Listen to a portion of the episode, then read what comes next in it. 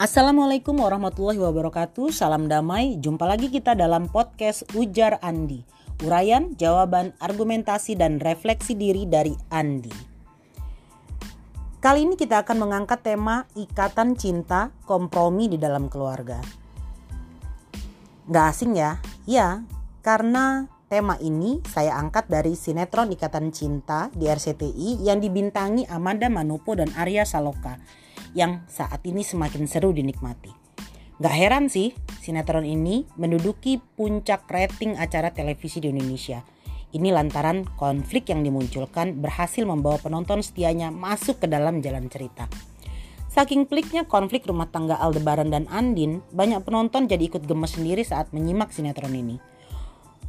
Uniknya, penonton dari sinetron ini bukan hanya dari kalangan ibu-ibu seperti umumnya sinetron Indonesia yang sudah-sudah banyak sekali bapak-bapak, anak-anak, remaja, dan dewasa yang juga menggemari sinetron ini. Semua anggota keluarga ini kompak nonton sinetron, baik melalui TV atau bahkan streaming salah satu kanal video jika tertinggal dari jadwalnya.